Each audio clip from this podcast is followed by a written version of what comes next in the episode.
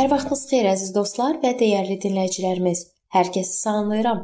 Mənim adım Sona və sizi Allahla 5 dəqiqə adlı podkastımızda xoş gördüm. Bu gün biz yenidən doğulmaq barədə danışmağa davam eləyirik və gəlin baxaq, yenidən doğulan adamların növbəti xüsusiyyətləri hansıdır? Yenidən doğulanların kəbini birbaşa Allah əmrinə uyğun olaraq bağlanan bir kişi ilə bir qadının kəbinidir. Onların padşahlığı indi ümiddə, sonra isə əbədi həyatda olacaq lütf padşahlığıdır. Onların vətəndaşlığı səmavidir və onlar aşağı yaradılış məhsullarından, yeməkdən, içməkdən, paltardan, evlərindən minnətdarlıq edərək ehtiyac olan qədər bunu sadəcə yaşamaq və müqəddəs kəlama uyğun olaraq qonşuya maneəsiz xidmət etmək üçün istifadə edirlər. Onların təlimi imanlarını onun üzərində qurduqları, bizim canımızı xilas edən Musa və peyğəmbərlərin, Məsihin və həvarilərin şəhadət etdiyi kənar müdaxilə olmayan Allah kəlamıdır. Müqəddəs yazıya zidd olan hər şey onlar mürtəd elan edirlər.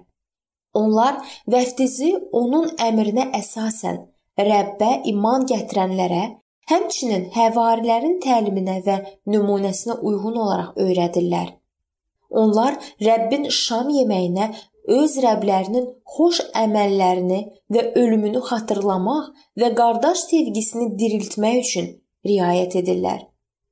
Onlar tərəf tutmadan bir dəfə kəlamda olub, sonra tərk edənləri, düzgün yaşamayanları və ya Rəbbin evində düzgün təlim etməyənləri bütün qürurlu qiyamçıları, böyüyü də, kiçiyi də, varlını da, kasıbı da iqrar etməyənə qədər qovurlar. Bununla da yekunlaşdırıb səmimi dinləyicini yazıya yönəldirəm. Xırda istisnalara çıxmaqla bütün dünya insanın təliminə, yalana, təmsilə, təhrif edilmiş şərhlərə, birbaşa bütpərəstliyə və saxta sitayişə etibar edir. Günahkarlar malik olmadıqları şeylərlə özlərinə təskinlik verir və qürrələnirlər.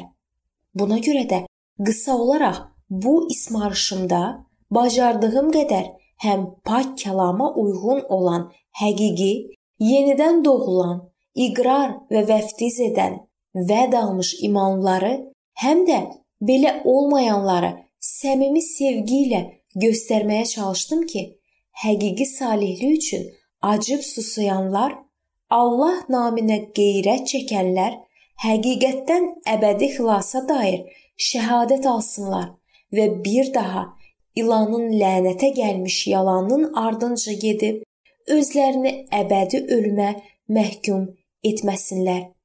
Qoy özünün kasıb, viran qalmış, bədbəxt, xəstə, lüt canı ilə Rəbbin qarşısında dayanan hər kəsə yardım olunsun ki, Allahın tam hüquqlu övladına çevrilsinlər və xilas olsunlar. Qoy Rəbb sizi gücləndirsin. Məsum Allah kəlamına inanın. Günahlı həyatınıza düzəliş edin.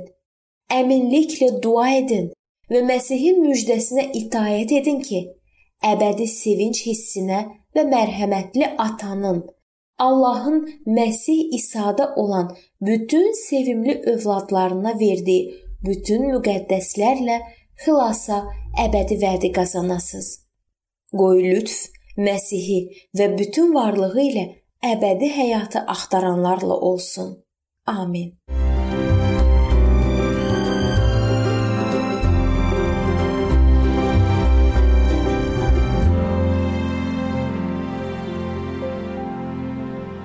Beləliklə əziz dostlar, bu yerdə bu mövzu sona çatdı.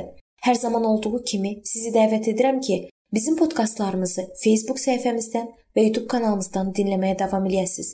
İndi isə mən sizinlə sağollaşıram və növbəti görüşlərdə görmək ümidi ilə. Sağ olun, salamat qalın.